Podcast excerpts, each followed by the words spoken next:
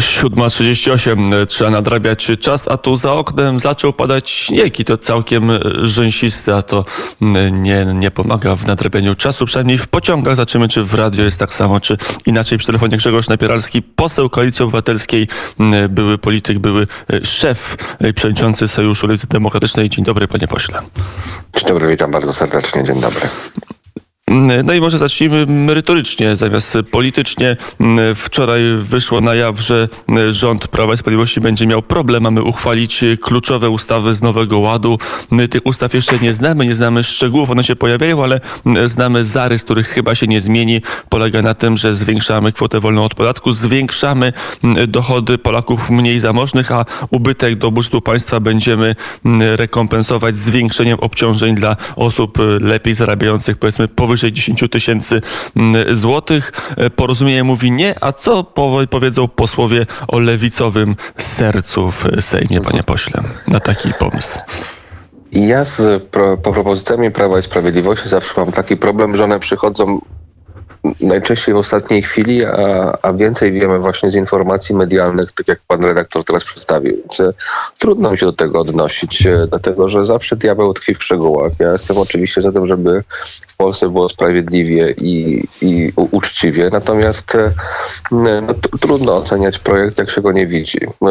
I to tak jest niestety od samego początku, jak PiS rządzi, że na ostatnią chwilę przychodzi ustawa. Mamy na, na tą ustawę bardzo mało czasu, żeby nad nią popracować i potem musimy ją poprawiać albo jeszcze raz zmieniać, albo przychodzi nowa ustawa, która de facto likwiduje to, co, to, to, co wniósł PiS. Tak było z elektromobilnością, tak było naprawdę z wieloma ustawami. Więc naprawdę, panie że to nie jest unik. Ale żeby... z drugiej strony jest tak, że były zapowiedzi, które się sprawdzały i e, być może jakby to ktoś bardzo wnikliwie i skrupulatnie policzył, to rząd PiSu jest rządem, który najwięcej obietnic spełnia. Miało być 500 plus, jest 500 plus, e, miała być Zgoda. 13, która jest 13, 14 18. PIT 18 na 17 obniżony jest, miał być, jest, więc takich spraw jest dość dużo, więc możemy powiedzieć, że Zgoda, z jaką dużą pewności to się neguję, sprawdzi. Nie neguję tego, absolutnie tego nie neguję, tylko jeszcze raz powiadam, że pewien mechanizm, o którym ja mówiłem przed chwilą, w, w polskim parlamencie jest obecny. I to faktycznie tak się stało. Miał być 500, plus, to był sztandarowy projekt Prawa i Sprawiedliwości. To 500 plus pojawiło się w Sejmie i faktycznie zostało przegłosowane, ale wielokrotnie, kiedy byłem senatorem, teraz jestem posłem, wielokrotnie ustawy trafiały do parlamentu na ostatnią chwilę. A to nie jest tak, że, e, że ustawa, nawet jeżeli ma założenia bardzo szlachetne, czasami przecież jest powiązana z innymi ustawami, może spowodować, że dobry pomysł, szlachetny pomysł zostanie tak skonstruowany w przepisach prawnych, że ludzie nie będą mogli z niego skorzystać. Pamiętam, to, to nie jest moja dziedzina, ale pamiętam o przepisy, które miały pomóc na przykład rolnikom czy hodowcom e, drobiu w Polsce i idea była absolutnie szczytna. Tylko jak się okazało później, wszyscy hodowcy w Polsce, naprawdę, czy rolnicy zaprotestowali, bo powiedzieli, że gdyby te przepisy weszły w życie, ich, e, ich by to zrujnowało, bo jakiś jeden drobny błąd w ich e, zeznaniach tam finansowych, nie pamiętam dokładnie co chodziło, po prostu spowodowałby, że biznes by padł. I wtedy rząd zareagował akurat bardzo pozytywnie, tu pochwalę rząd, bo zebrała się komisja senacka do spraw rolnictwa, zaproszono tych, e, tych przedsiębiorców i, i ustalono, że wszystko będzie ok. I, I to jest właśnie problem. Taki spisem, że zamiast ten czas, oczywiście są ustawy, gdzie muszą być szybko procedowane, ale żeby ten czas był naprawdę długi, żebyśmy mogli przegadać, przedyskutować i przepracować każdą ustawę, to rzadko, rzadko się zdarza w polskim parlamencie, niestety. E, chociaż tutaj wydaje się jest kwestia nie szczegółów, tylko e, kierunkowych zamierzeń i e, kierunkowej zmiany. O tym wczoraj dużo pisał dziennik Gazeta Prawna na trzech stronach. Rzadko się zdarza w polskiej prasie, żeby jakiś temat był tak szeroko omawiany. No i tam autorzy napisali o rewolucji podatkowej. Panie redaktorze, żeby była jasność, to, to nie tylko Gazeta, Dziennik Gazeta Prawna faktycznie opisała to, to i Onet i wszystkie chyba portale wczoraj internetowe, które mogliśmy przeglądać. E, to prawda, ale najpełniej Dziennik Gazeta Prawna i to oni mają to prawo prawda. pierwszeństwa, bo to. to oni to do tego dotarli, do szkicowego projektu i, i tam jest pewna filozofia zawarta. To prawda, tylko panie rektorze, jeszcze raz i szanowni państwo, to, to żywa jasność, to, wszystko jest super. Tylko na koniec dnia przychodzi ustawa, która ma e, swego rodzaju mnóstwo przepisów, tak, odniesień do innych ustaw I często też bywa tak, że my pracując nad taką ustawą, no, no, zastanawiamy się, czy gdzieś komuś nie zrobimy krzywdę. Pamiętam ustawę, przepraszam, że tak powołuję się może nie na podatkowe ustawy, ale pamiętam ustawę o doręczeniach elektronicznych. Myśmy też ją chcieli uchwalić bardzo szybko, ale kiedy zaczęliśmy wnikliwie pracować nad ustawą, która ma pomóc absolutnie obywatelkom, obywatelom, no bo tu chodzi o to, żeby właśnie likwidować to, całą procedurę pocztową, tak, żeby ułatwiać kontakty z urzędami. Tak okazało się, że, że musieliśmy specjalną podkomisję powołać, że musieliśmy długo nad tym pracować, ale na niektóre przepisy daliśmy bardzo długi okres wchodzenia ich w życie. Ja o tym właśnie mówię i tego mi w polskiej, w polskiej polityce brakuje, panie redaktorze. E, porządnej pracy parlamentarnej. Faktycznie parlament ostatnio zbiera się raz na miesiąc. Pamiętam czasy, kiedy posiedzenia były dwa razy w miesiącu i, i były zawsze trzydniowe. E, teraz czasami są i dwudniowe i raz w miesiącu. W ale też wynika z... jednodniowe posiedzenie z tego, co... Na przykład. Informacji, tak. I jakby mówię... To też się zdarza, ale to już wyjaśniam dlaczego. Wszystko wynika, pan poseł o tym doskonale wie, z kryzysu koalicji rządzącej, która stara się unikać głosowań, bo jak pokazał ostatni blok głosowań, e, okazuje się, że czasami tej e, większości brakuje w sprawach drobnych, czasami w sprawach ważniejszych, a to część Solidarnej Polski, a to część porozumienia głosuje inaczej. Na ile opozycja, na ile pan e, poseł już sobie ostrzy zęby, że, że to się wywróci, że na jesieni e, będzie dla opozycji szansa, by wygrać wybory? Co, no widać ten konflikt, to prawda. Widać, widać ten konflikt i, i czuć go też w parlamencie. To, to, jest takie coś, co tak nabrzmiewa, nabrzmiewa i na pewno pewnie czy, czy wybuchnie. Natomiast nie ma takiego poczucia, przynajmniej wśród y, moich koleżanek i kolegów, takiego poczucia ostrzenia zębów. Znaczy, przyglądamy się oczywiście temu, to nie jest dobre. Y, I, i i to też tak naprawdę jest, jest problem dla Polski, no bo jeżeli koalicja rządząca nie ma większości i odkłada dane głosowania tylko dlatego, bo się koalicjanci buntują, no to szczególnie w czasach pandemii jest bardzo niebezpieczne i bardzo groźne, dlatego że wiele przepisów musi wejść szybciej, tak, a tutaj po prostu tu albo Ziobro, albo Gowin czegoś nie chce. No więc to uważam jest niebezpieczne dla Polski. Ja, ja przynajmniej ja mogę mówić teraz za siebie, ja jestem politykiem, który nie uznaje, nie uznaje takiej filozofii, czym gorzej dla Polski, czym gorzej dla, e, dla koalicji rządzącej, tym lepiej dla opozycji. Nie, no, po prostu to jest złe. Znaczy to widać, że, że jest Chociaż taki... o, tym, o tym mówił Jarosław Kaczyński, że e, to jest pewien rak e, polskiej polityki.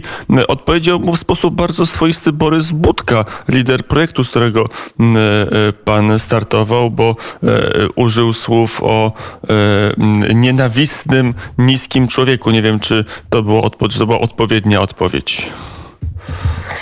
No, każdy ma prawo e, w polityce formułować swoje oceny. E, no, o, jest... cytat jest taki, gorsza od raka, od raka jest tylko nienawiść, mały, chory człowiek, trzy kropki. To tweet Borysa Budki sprzed 15 e, godzin w odpowiedzi do słów Jarosława Kaczyńskiego, że totalna opozycja to rak polskiej polityki. I nie wiem, czy Borys Budka nie potwierdził tymi słowy diagnozy Jarosława Kaczyńskiego. Chociaż nie, tego pewnie nie, nie jesteśmy, chciał. My nie jesteśmy rakiem. I, i, I tutaj skupiłbym się raczej na słowach prezesa Jarosława Kaczyńskiego. Ja się dziwię, dlaczego on ocenia Nie, no ja wiem, że zawsze lepiej patrzeć do, do, nie, po drugiej powiem, stronie ale... ogródka przez płot. Nie, ale już powiem dlaczego, panie rektorze. Znaczy, Jarosław Kaczyński sam zapomniał, jak był w opozycji. Ja pamiętam Jarosława Kaczyńskiego w opozycji, który był bardzo, naprawdę bardzo ostrą, ostrą opozycją. Był nieustępliwy, był bardzo nie chcę użyć słowa brutalny, bo to złe słowo, ale taki bardzo wyrazisty w tych swoich e, opozycyjnych postawach.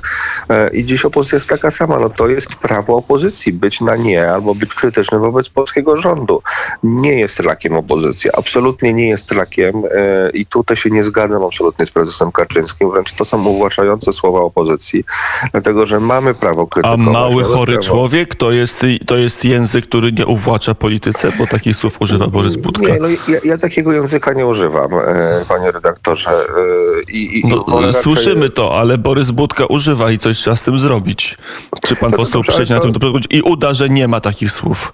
Ale to zaprosi pan pana przewodniczącego Borysa Budka. Ja o, o próbuję, kiedyś chętnie przychodził, a ostatnio jakoś mniej do mnie chętnie przychodzi. Może pan poseł pomoże.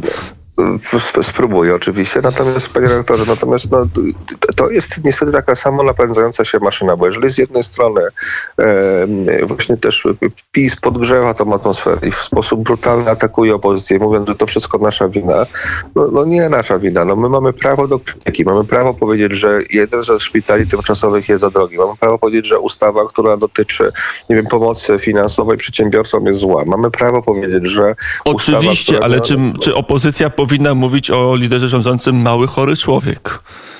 No ale wie pan, jak To jednak na inne wypowiedzi- słowa niż krytykowanie ustaw. Jasne, no, ale jak ja słyszę y, posłów y, Prawa i A Sprawiedliwości... ja wiem, czyli- a u nich biją, no już nie powiem kogo, bo to nie wypada teraz, ko- kogo biją, ale... Zgoda, zgoda, panie rektorze, zgoda. No, i, znaczy, ale to jest, ja to już powtarzam jeszcze raz, to jest samo napędzająca się maszyna takiej właśnie niechęci i, e, i, i ataków nawzajem. e, Niepotrzebna w ogóle. Dlatego, że zauważyłem, że dziś w polskiej polityce jest tak, że nie właśnie bitwa na, na argument, tylko bitwa, kto bardziej uderzy w kogoś tak, tak osobiście, tak, żeby zabolało. Tak? No wiadomo, że jak mnie zaboli, no to ja za chwilę też się prędzej później odwinę, mówiąc młodzieżowym językiem i oddam, tak? No bo też przecież I proszę pamiętać, że politycy, politycy nie są robotami, jesteśmy ludźmi, też mamy swoje nerwy, też mamy swoje uczucia, też może nas zranić przecież, tak? No to, to jest oczywiste. To wszystko się zgadza, chociaż czasami o tym zapominamy. E, Panie pośle, to jeszcze na koniec pytanie o opozycję. No, pan jest osobą o lewicowych poglądach, byłym szefem SLD. SLD, które teraz znika z mapy partyjnej, przekształca się w nową partię. E, Jest pan członkiem klubu Koalicji Obywatelskiej. W jakiej konfiguracji powinna opozycja do wyborów wystartować, o ile rzeczywiście jest tak, że te wybory mogą być za parę miesięcy, a nie za dwa lata? Myślę, że myślę, że będą za dwa lata. Oczywiście wszystko w polityce może się zdarzyć. E, Jaka będzie konfiguracja, trudno powiedzieć. Tak, tak jak w 2014 czy 2015 roku nikt nie przewidywał, że będzie wielki blok Zjednoczonej Prawicy, tak trudno dzisiaj wyrokować, jak to się, e, jak to się poukłada, jeżeli po, o, po stronie opozycji. Czy będą na przykład dwa bloki, bardziej lewicowy i bardziej centrowy, czy będzie jeden blok, czy też będą trzy partie startowały. Nie umiem na to pytanie odpowiedzieć, mówiąc szczerze. E, Sondaże dzisiaj pokazują jedno, że jeżeli będą dwa albo trzy bloki po stronie opozycji, to i tak i tak PiS przegrywa te wybory, nie zbuduje większości. No ale to mówię, to, to wszystko tak naprawdę przed nami warto to A obserwować. pan poseł wróci do bloku lewicowego, czy zostanie w tym bloku e, liberalno-lewicowym? No ja jestem tu, gdzie jestem. Nikt w inne miejsce mnie nie zaprasza, więc nie, muszę podejmować żadnych decyzji, ani żadnych, em, nie mam żadnych rozterek w tej sprawie. E, Chociaż czasami chciałoby się być w partii, która jest nie tylko liberalna światopoglądowo, ale także e, socjalna, jeśli chodzi o programy społeczne i gospodarcze, prawda? To prawda, ale ja akurat y, mam na tyle autonomię w swoim klubie, że wiele spraw, które na przykład dotyczą e, takiej sfery społecznej, mam, mam dużą swobodę działania. Teraz pracuję nad projektem pomocą pracownikom niemedycznym, którzy pracują w szpitalach i w różnych miejscach, ratując życie i to jest naprawdę bardzo projekt społeczny. Będzie dyskusja na Komisji Zdrowia właśnie z mojej inicjatywy. Klub zgłosił taką informację, więc mam tu dużą przestrzeń do działania i czuję się z tym dobrze. I, I dobrze, że tak jest. Można powiedzieć, że ktoś się w polityce czuje dobrze, to zawsze przyjemnie. Grzegorz Napieralski, poseł Koalicji Obywatelskiej, był gościem poranka wnet. Dziękuję bardzo za rozmowę. Bardzo dziękuję, życzę wszystkiego dobrego i dużo zdrowia w tych trudnych czasach. Nawzajem człowiek szczęśliwy w polityce, to zawsze miło takiego spotkać. No dobrze, my teraz posłuchamy zespołu raz, dwa, trzy, a zaraz potem na chwilę zajrzymy do Izraela, bo tam to dopiero się dzieje w polityce.